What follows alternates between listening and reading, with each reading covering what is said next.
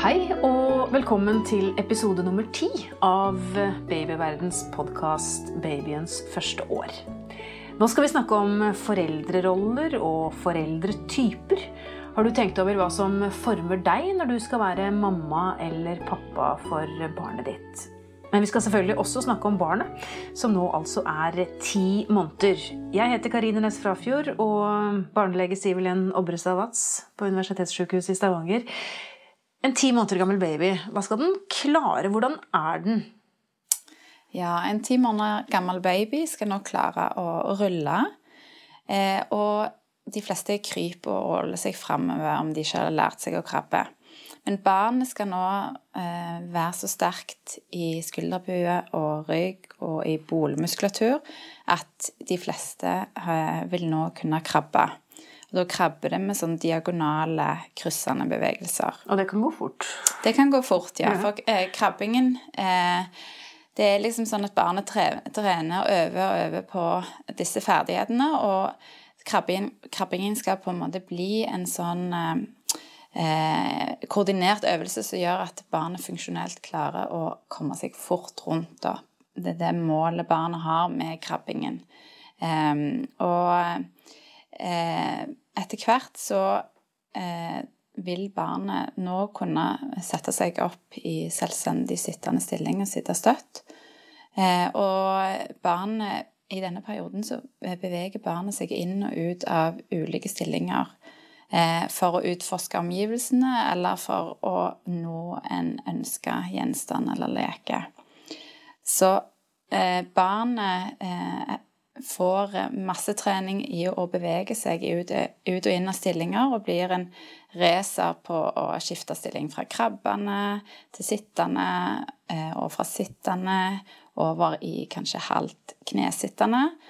Og fra halvt knesittende så Eh, blir det veldig interessant å komme seg videre oppover for barnet. For barnet er nå veldig opptatt av omgivelsene, og ikke bare det som er i bakkenivå. Det vil utforske det som er høyere oppe.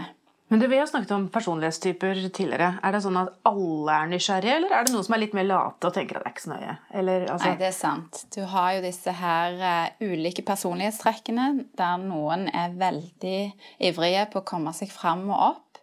Mens du har den andre typen som er mer eh, ja, tilbakeholden. Og, har det fint her nede. Har det fint, ja. ja. Finne de tingene. Så det er ikke farlig hvis man ikke liksom har en unge som er uh, høyt og lavt? Nei.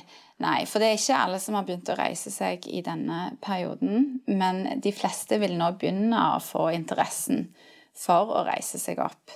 Um, og um, så lenge barnet uh, øver på å Eh, skifte eller ha varierte stillinger nede på gulvet, så vil det, eh, vil det på en måte Vil motorikken bedres i både i krabbe og sittende stilling, som er viktig for videre utvikling i stående og gående stilling.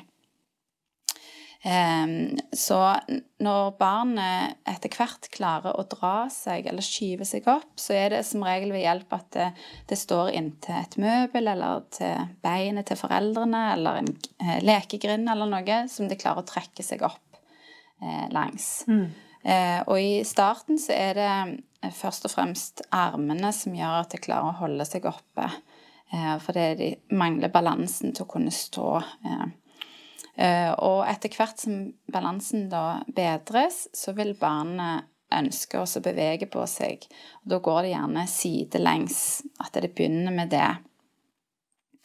Eh, og hvis det da klarer eh, eller utvikle seg mer, så vil det prøve å gi slipp på den ene hånden. Kanskje det ser en leke det vil prøve å strekke seg etter, eller faktisk en leke på gulvet at det vil prøve å bøye seg nedover da.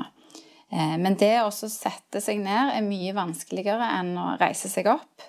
Sånn at eh, de første gangene så vil du nok oppleve at barnet deiser i bakken idet det prøver å nå en ting nær på bakken, eller det vil prøve å komme ned igjen fra den stående stillingen. For det er først når barnet kan holde seg med én hånd uten å miste balansen, og at det kan stå litt alene, at det klarer å synke ned i sittende stilling igjen mer eh, koordinert. Men med trening så klar, lærer barnet seg da å sette seg ned i huksittende og komme opp igjen, eh, f.eks. inntil en sofa. Eh, og barnet, i forhold til krabbingen, så klarer nå barnet å krabbe opp på lave gjenstander. Eh, f.eks. En, en liten krakk eller ei, eh, noen puter eller et trappetrinn. Eh, og det gjør jo at du må være litt obs på eh, at barnet ja, hva det holder på med, for balansen er ikke god nok til at barnet alltid klarer å beregne, eller at barnet i det hele tatt klarer å beregne hvor det skal gå, så det kan ofte deise ned igjen fra sånne lave høyder, da. Men dette går fint. Barnet er robust, og det, det vil som regel tåle ganske mange knall og fall.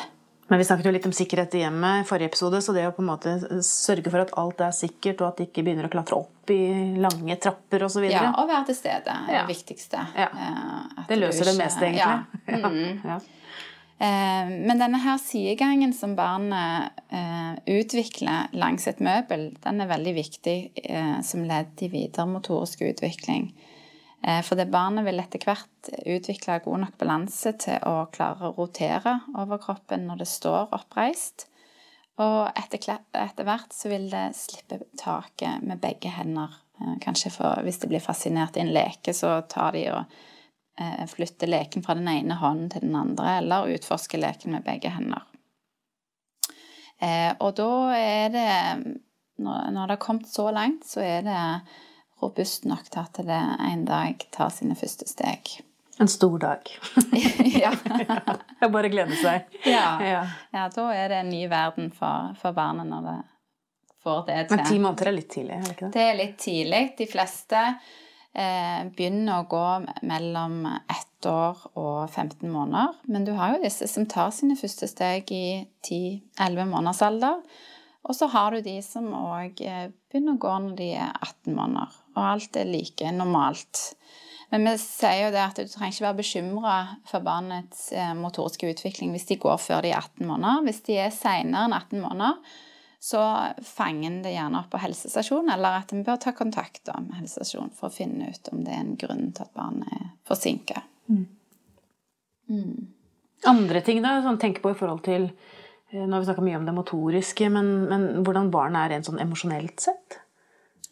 Ja, eh, det er jo masse utvikling i forhold til det, til det emosjonelle. Og ikke, ikke, minst er det jo det nå at barnet nå begynner å bevege seg rundt eh, for egen maskin, så blir de ofte litt mer urolige og får større behov for nærhet. Eh, det er jo en stor verden for den lille eh, når det Eh, utforske. Og hvis det nå beveger seg fort og kanskje beveger seg rundt et hjørne og ikke ser foreldrene, så det, vil det oppleves veldig skummelt for, eh, for, barnet.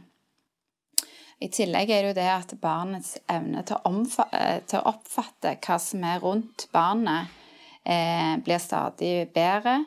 Og eh, det at det utvikler en sånn redsel for atskillelse fra foreldrene er, helt, er en helt naturlig del av eh, barnets kognitive utvikling. Um, sånn at det, det, er, det, er, veldig viktig å gi barnet rom til å utfolde seg eh, for det motoriske, men samtidig være en sånn trygg base som barnet kan eh, komme tilbake til.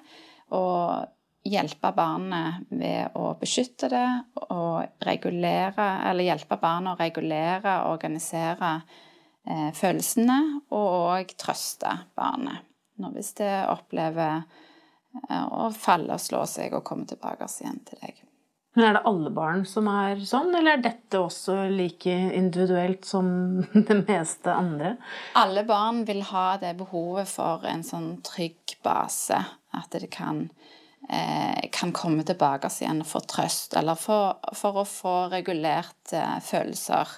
Eh, og det det er på en måte Alle barn har en tilknytning til omsorgspersonen som er så viktig for barnet. og, og, at du Eller at barnet får bekrefta den tilknytningen, da. Um, og det som òg er viktig for barnet, er jo det at det, eh, det er disse her faste eh, hverdagsrutinene, eller de rammene det gir, som barnet forventer, da.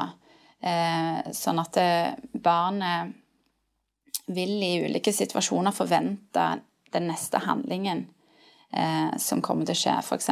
hvis du setter barnet til bordet, så vil det forvente at det får mat. Eller hvis du setter barnet i vognen, så vil det kanskje forvente at eh, det skal sove, eller at dere skal gå tur. Ja, så, for, ja, så for, forventninger og forutsigbarhet er kanskje ja, veldig viktig? er veldig viktig for barnet. For å forstå eh, på en måte For å forstå eh, det som skjer rundt barnet, men òg forstå eh, hva som forventes av barnet. Eh, og hva som eh, Ja Eh, for barnets utvikling, da. Eh, men så tenker jeg òg at, at barn, i forhold til barnets utvikling kognitivt, så er jo den emosjonelle utviklingen veldig viktig. Og det er en veldig viktig anker i den utviklingen der. Det er den, den tryggheten som du gir som den voksne, da. Og det, det å eh, skape en, eh, en, trygghet i at du viser barnet eh, hvordan det skal forstå ulike situasjoner. Og gjerne beskrive, snakke Eller beskrive for barnet hva, hva du ser, og hva du føler. Og ja, er interessert i det barnet er interessert i, da eh, gjør at barnet utvikler seg eh, i forhold til det å forstå sosiale relasjoner og eh, utvikle, seg i forhold til det å regulere sine egne følelser. Ja, for Selv om de har et stort behov for nærhet, så søker de jo også ut i verden samtidig. Ja, så det er jo en veldig sånn balanse, det, det der med å ha på en måte eh, ha den utforskningstrangen som barna har, men òg at når de da kommer litt for langt ut, så blir de engstelige, og så vil de tilbake igjen til det trygge og gode. da.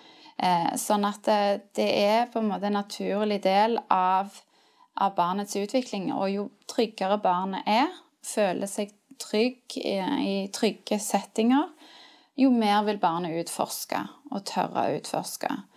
Så det å hjelpe barn i utviklingen er jo det å ha eh, Være på en måte en rolig og trygg base, da. At det, barnet får utfolde seg i, i, kjente omgivelser med ro og med, med trygghet. Mm. Mm.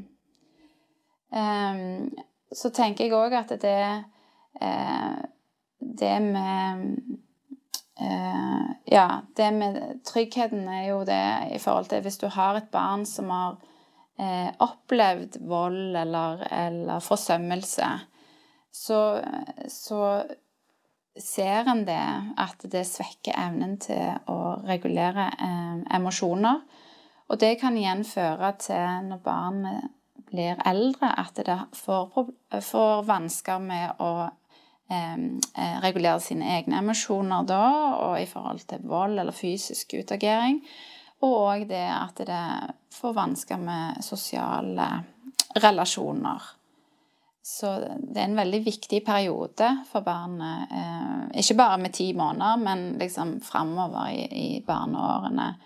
Det med å kunne sette ord på ting og, og sette ord på følelser og være være til stede. Og... Ja, det er jo akkurat det jeg skulle til å si. Det er jo akkurat det som er nøkkelordene hele veien. Det er å være til stede. Mm. Og, og, følge opp og svare på det barnet trenger. Mm. Mm.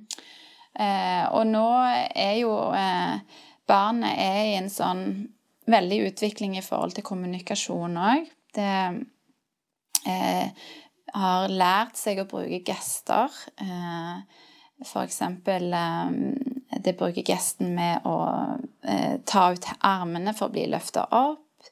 Det jeg bruker mye eh, Eller pekefingeren som en gest for å peke ut ting det ønsker å sette oppmerksomhet på. Og ja det, det, kan bruke òg andre gester for å vise at det er interessert i samspill. Og da er det jo viktig at den voksne tolker gestene, eh, for at den måten du tolker gestene på, da vil barnet gjenta de, de gestene for det, det det ser at det er opp Eller hva, hva, hva, som kommer ut av den gesten, da, hvis det gjentar seg gang på gang. Men det som er òg viktig å huske på, er at den, den ikke Eller den, den, eh, den ikke-verbale kommunikasjonen er viktig, men òg den verbale kommunikasjonen er nå veldig viktig. Barnet har en lydproduksjon som ligner mer og mer på et språk. Eh, det eh, har forskjellige tonefall, og eh, det kan på en måte bable nett, nesten så det høres ut som sånn bekreftende eller benektende. Mm. Vi har snakket om det mange ganger, men det å snakke til barnet, repetere det de ser, og, og bruke bøker er viktig. Ja, ja, absolutt. Eh, og ja, hvis du viser engasjement og nysgjerrighet i forhold til omgivelsene og setter ord på det, så vil eh, det verbale språk eh, forrådet til barnet bare utvikle seg, selv om det ikke viser seg før om, om et år eller om noen måneder. For det er jo det, det, eh, det ikke-språklige, altså det passive ordforrådet, det, det utvikler seg hele tiden på, eh, nå. Så det, Så det, grunnlaget du legger nå, det kan kanskje se gjennom noen måneder? Ja, mm. absolutt. Mm. Det er mye der som Pandoras eske er full av ting. full av ord inni der, men, men eh, barnet har på en måte Det skal bearbeides. Og, og, men barnet kjenner igjen ord som, som gjentas ofte. Eh, sånn at hvis du eh, bruker samme ord i ulike setninger, settinger, så vil barnet nå begynne å gjenkjenne det. Og hvis du bruker også gester når du, når du snakker til barnet, f.eks. Kan du gi meg koppen, og så strekke ut armen, og så peke på koppen, f.eks., så vil barnet lære seg eh, mer og mer ord ved hjelp av gester. Fascinerende å tenke på hvor mye det må koke oppi topplokket der. ja, absolutt. Det er mye som skjer både motorisk og språklig. Men en ser jo det at eh, Eh, når det er en stor utvikling i forhold til språk f.eks., så vil motorikken ta en liten pause.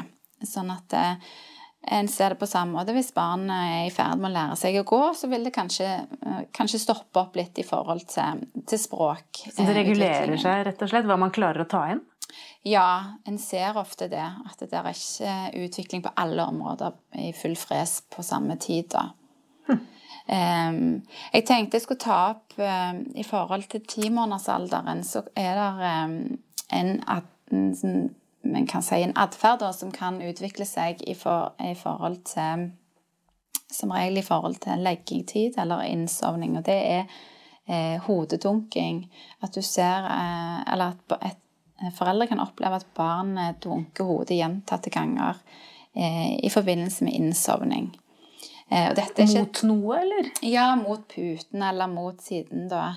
Og det er ikke unormalt eh, at dette kan oppstå. Hvis barnet utvikler seg normalt på, på andre områder, så er, så er, det bare en naturlig del av, av utviklingen. Det er, eh, det er et, eh, på en måte barnet en det er en sånn selvregulerings... Eh, eller en sånn selvstimulerende handling eh, barnet gjør for å klare å regulere seg inn i, i søvn. Eh, men hvis barnet er forsinka på andre områder eller har dårlig sosialt samspill eller emosjonelle reguleringsvansker, så kan det med hodedunking være være et tegn på noe annet. Spesielt hvis det skjer på dagtid eller ikke i forbindelse med innsovning.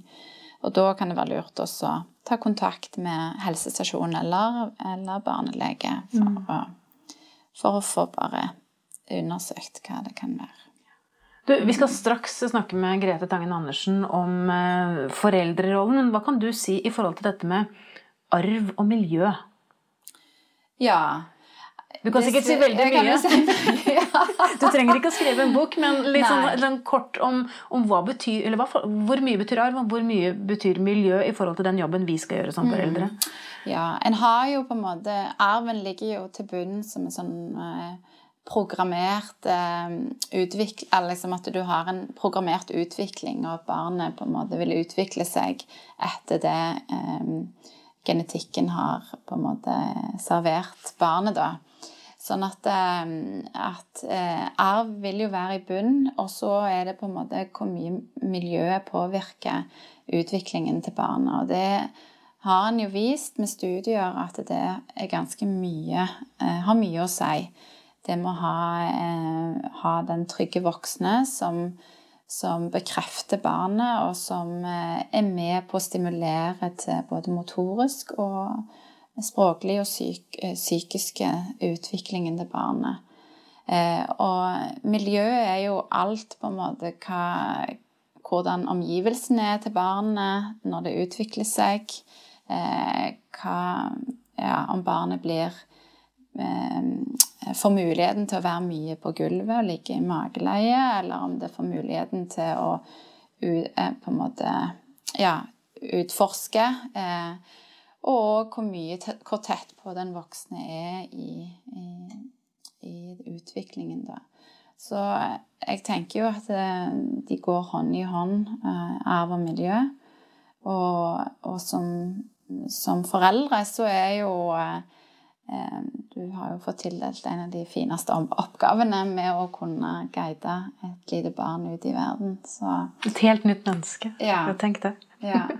Så jeg tenker det også å være til stede eh, i, i, barnets første leveår eh, er kjempeviktig for barnet. Den trenger den trygge, eh, trygge ankeret sitt. Det skal vi snakke mer om eh, når psykologspesialist eh, Grete Tangen Andersen kommer om en eh, liten straks. Takk skal du ha så langt, barnelege Siv Helen Obrestad Watz.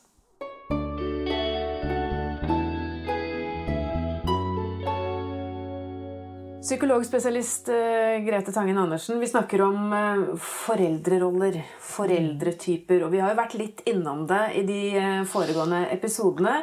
Eh, for det å være foreldre det er liksom plutselig en helt ny rolle mm. Eh, man må ta. Hvordan er det man skal på en måte finne sin type, sin rolle? Hvem er jeg som mm. forelder? Jeg tenker jo at vi har med oss en bagasje som går på våre egne foreldre. At eh, sånn En sier ofte at en har mødre ofte litt lik omsorgsstil som sin mor igjen. Og så er det klart det er ting der en kanskje tenker en ikke vil repetere, og så er det ting som en bare automatisk gjør. Eh, sånn at eh, det er jo mange ting en skal liksom vurdere som forelder. Det F.eks. Når barnet legges, hvor lenge skal de skal de gråte før du går inn? Og der kan det være noe, veldig store forskjeller. Noen kan tenke la de gråte litt til, og noen syns det er utholdelig å høre på denne gråten. Og det kan være det de er vant med fra sin familiekultur. Og eller de kan få korrekt fra sin familiekultur. At de skal ikke løfte barnet så fort. De, skal liksom ikke, de må ikke skjemme dem bort. Altså, det kommer veldig masse sånne sosialiseringstemaer inn. Mat snakket vi om i forrige episode. Ja, ja. Hva er greit og hva er ikke greit at barnet skal spise. Ja, og der kan en være, og der kan det fort bli en del diskusjoner. Hva, hva skal en tillate, hva skal en ikke tillate, og hva skal en forvente av babyen? Er en enig uenig når barnet begynner å nærme seg barnehagestart? Skal de ammes, skal de ikke ammes? Skal de ammes på natt? Når skal far inn i bildet? Så det er jo der hvor selvstendig altså Noen er jo opptatt av selvstendighet. At de skal bli mest mulig Kanskje en har behov for at de begynner å bli litt store. Barna? Ja, mm. Selv om de er bitte små. Så kan en få det behovet. Kanskje fordi de skal i barnehagen. At en tenker ja, nå må de klare det. De må klare seg. Og så kan en være litt uenig i hva behovet det barnet har. og Nå skal jo far være hjemme, eller andre omsorgspersoner være hjemme. Og en like opptatt av at den skal være hjemme så lenge som en kan, så tidlig. Vi, vi, ønsker likestilling, det er vi jo alle enige om. Men ja. opplever du sånn faglig sett at det er forskjell på menn og kvinner i forhold til akkurat det du sier? Mm. Hva eh, man ønsker barnet skal være, på en måte? Ja, jeg syns nok det at, at fedre hvis en tenker fedre, da, at de drar litt mer i retning av selvstendighet. Og kanskje tenker at en skal stoppe amming når de begynner i barnehage. Og at det akkurat som for kvinner så er det en konflikt, fordi at de skal liksom litt lenger vekk fra barnet før barnet eh, de, kanskje før de naturlig har kommet inn i en sånn prosess i forhold til avvenning, i forhold til det at en ikke skal være så tilgjengelig og til stede. Så jeg tror jo det er en konflikt for foreldre. Og jeg ser fort at foreldre kan få begynne å omtale barnet sitt som litt større enn det er. At å ja, ja, men nå begynner de å dra seg opp og stå på beina sine og gå langs bord. Og det er veldig viktig at de begynner å gå på to bein før de begynner i en barnehage. Og de må i hvert fall kunne krype. At de blir redd, akkurat som de er litt engstelige for at barnet ikke er kapabelt nok til dette.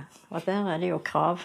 Kan jo stilles til en liten Men her hører jeg psykologspesialisten må komme inn med et godt råd. For hva, hva, Hvordan løser man en sånn uenighet? Og jeg tenker jo at begge foreldre er jo sikkert usikre også. Det er ingen som er Ja. skråsikre her. For man, man har jo ikke noe fasit. Nei, en har ikke noe fasit. Og jeg tror det som kanskje ofte kan være problematisk, det er hvis, hvis du skal tenke om barnet ditt å ja, men De er jo ganske små, det må ammes, og, og det treffer noen vanskelige følelser med at men babyen trenger jo å være litt stor nå.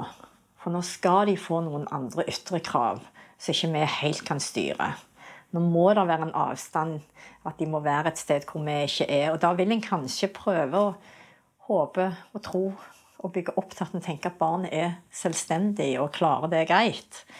Så mange sånne diskusjoner kan jo fort treffe engstelse for at barnet er for lite til å gjøre det det skal, gå i barnehage. Og da kan det fort bli litt uenigheter, eller i hvert fall vanskelige temaer, at dette tar vi i hvert fall ikke opp eksplisitt. Kan bli problemer i parforholdet. Ja, det kan jo det. Jeg Har jo hørt at eh, fedre sier det at nå, må, nå er det jeg som må ta dette med nattevåk hvis ikke du slutter å amme. ikke sant? Sånn at så ligger det plutselig et press på det med amming. og ja, Du er trøtt når du kommer hjem fra jobb fordi du får lite søvn om natten fordi du er så opptatt av at du skal liksom gi påfyll om natten. Så jeg har jo hørt ulike typer diskusjoner da. Hva de tenker er vanskelig og komplisert. Så rammer de begge to. De er jo to om dette. Ja. Men du, tilbake til litt eh, vi snakket om i forhold til arv. altså At vi arver med oss en del mm. måter å være på som foreldre. Ja.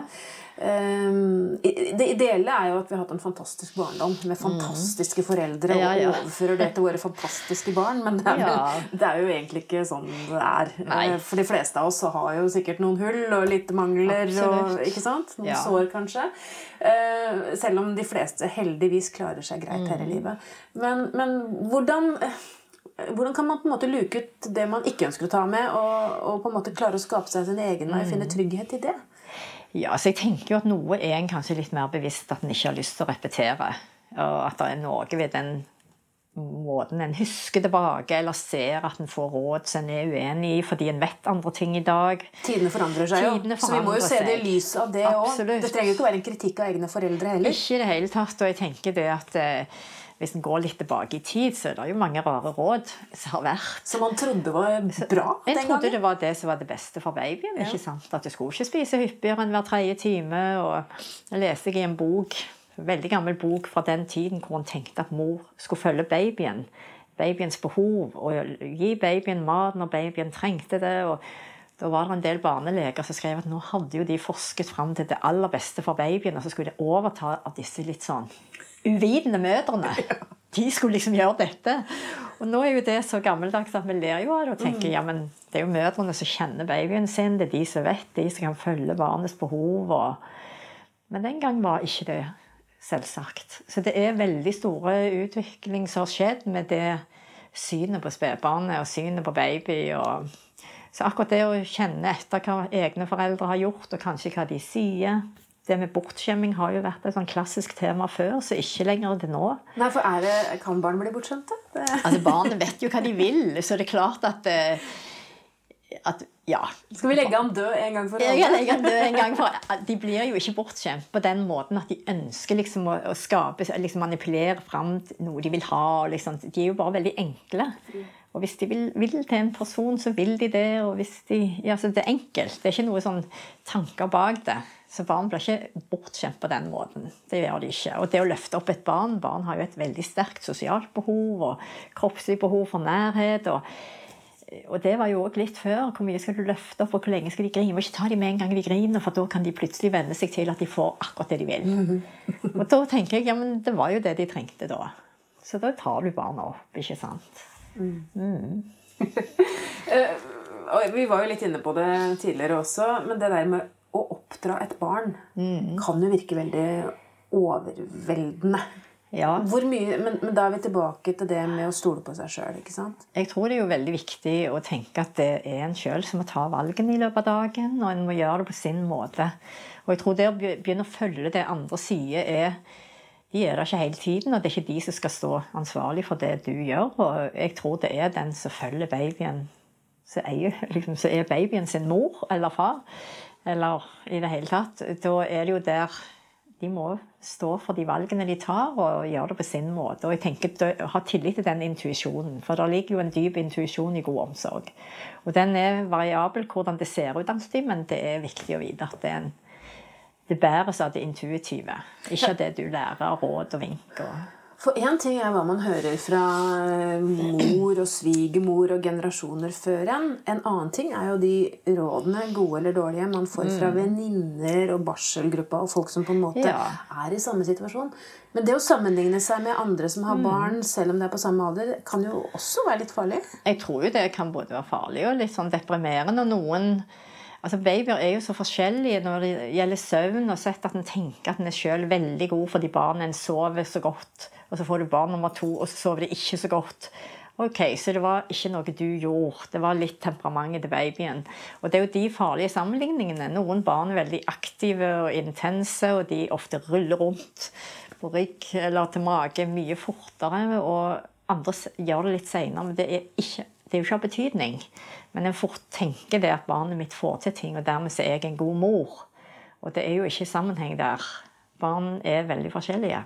Hvis man er litt sliten og litt usikker, det husker jeg i hvert fall fra egen erfaring, Ja. så syns man jo alle andre mødre var mye flinkere og hadde mye altså, mer stell på ting da, Ja. enn en, en selv. Ikke sant? At det er litt med Noen kler de barnet veldig fint, syns en, og så har liksom, virker som om de har liksom veldig oversikt på tingene og mestrer hverdagen. Og, men så tenker jeg bare en skal ha den hverdagen en har, og være fornøyd med det og ha tillit at det er mer enn godt nok. Det er det jo. Vi har snakket litt i forhold til, og nå er det jo snart barnehagestart for, for eh, noen barn, kanskje de fleste, men, men vi har snakket litt om det med tilknytning og, og separasjonsangst, og ikke minst barnevakt. Eh, Når føler du at man kan begynne å eh, gå litt mer ut, kanskje skaffe seg, eller gå tilbake kanskje til noe av det man kjente fra før man fikk barn? Ja, jeg tenker akkurat det med barnevakt, så tenker jo jeg at det er viktig at det er noen som kjenner babyen. Og at en kanskje er der litt i forkant av at foreldrene skal gå ut, f.eks. Og så har en jo ofte med en mobil, og det er jo mange som forteller at de får en telefon i løpet av kvelden, at de må tidligere hjem enn det de hadde planlagt. Men eh, jeg tror jo det at eh, barnet skal kjenne den som passer de, og hvis det kan skje hjemme i hjemmet til barnet, så er jo ofte det øker alt som er kjent rundt, som gjør at barnet føler seg trygt. Men så er det jo det at barn kan gråte uten at det er Det er ikke nø- nødvendigvis farlig sett at de vil gjerne nå må mammaen komme. Men de er jo likevel trygge på den som er der. Så en skal jo ha litt tillit til det òg, at barnet er det trygt på den personen og blir godt ivaretatt, så trenger ikke å få panikk fordi om babyen begynner å gråte litt. Men det ser en jo, og mange mødre forteller jo det at babyene de stopper å gråte når de kommer. Mens de gråter ganske mye før, kanskje. Så, men det får en bare prøve ut og se. Og jeg tenker det er helt greit å få en barnevakt når barnet er ni måneder. og ja, Det er godt òg og trygt, tror jeg, å kunne ta imot omsorg fra mer enn én. Eller liksom at en får vite litt ut. Og så I forhold til parforholdet også, så tenker jeg når man har et barn på 9-10-11 måneder, så så er det godt for uh, foreldrene å komme seg litt ut. Ja, det tenker jeg eh, også. Ta tur på kino, spise litt mat, uh, Ja. være litt kjærester. Jeg Viktig tenker det det. Andre opplevelser får de gamle opplevelsene litt tilbake. Jeg tror du får overskudd av det, og det, det, totalen blir mye bedre. Ja. ja. For Vi har jo snakket mye om dette med seksualliv og det å på en måte finne sine plasser som ja. foreldre. Mm. Eh, og, det, og det er jo ikke alltid like enkelt. Nei, men så er det sånn som du sier, det å begynne å gå ut sammen og gjøre de gamle tingene, at en begynner å merke at ja, men det er et liv i tillegg til babyen, og at eh, en skal ikke bare være foreldre. En skal jo òg være kjærester, og en skal være den en er ute i verden, og med venner, med partner. For mange definerer jo sin egen rolle. Altså, hva er Ja. man? Er, er jeg først og fremst mor, eller er jeg Ja. først og fremst meg? Ja. Eller er jeg først og fremst eh, kjæreste? Eller hvem er jeg egentlig? Ikke sant? Og det er jo klart at det, det å bli mor, hvis en tenker første gang, så er jo det en av de veldig markante identitetsendringene i løpet av livet. Og så noe går tapt, og så får en noe. En får jo babyen sin, så en er veldig uendelig glad i. Og, eh, men det er en sånn Jeg tror det er Første leveår er jo ofte en sånn en periode hvor selvbildet er akkurat sånn som du sier, det veksler litt. Fordi du skal ta inn noe som er ganske stort og annerledes, og du blir på en måte ikke den samme. Men etter hvert så vil du ja, altså integrere det sånn at du blir på en måte deg sjøl. Som mor òg. At det blir en del av den helheten du er. Men man, man finner sin rolle også som foreldre Ja. etter hvert. Det, det gjør man jo, absolutt. Og så er det jo det når en er to, hvis en er to, så er det jo det å høre litt på tilbakemeldinger. Ikke bare på det at folk sier 'nei, jeg syns du skal gjøre sånn og sånn', men de, en kan jo bemerke Men jeg er veldig sårbar for bemerkninger, må jeg si, nå, som forelder. Men en partner kan jo òg ha et annet perspektiv på ting, som gjør at en kan få litt perspektiv på det sjøl òg. Er det, er det viktig å bli korrigert?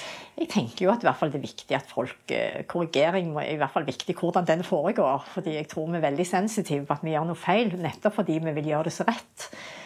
Eh, Men derfor så tenker jeg også kanskje hvis en har en litt annen måte å tenke om det på, at en kanskje tenker litt høyt om det.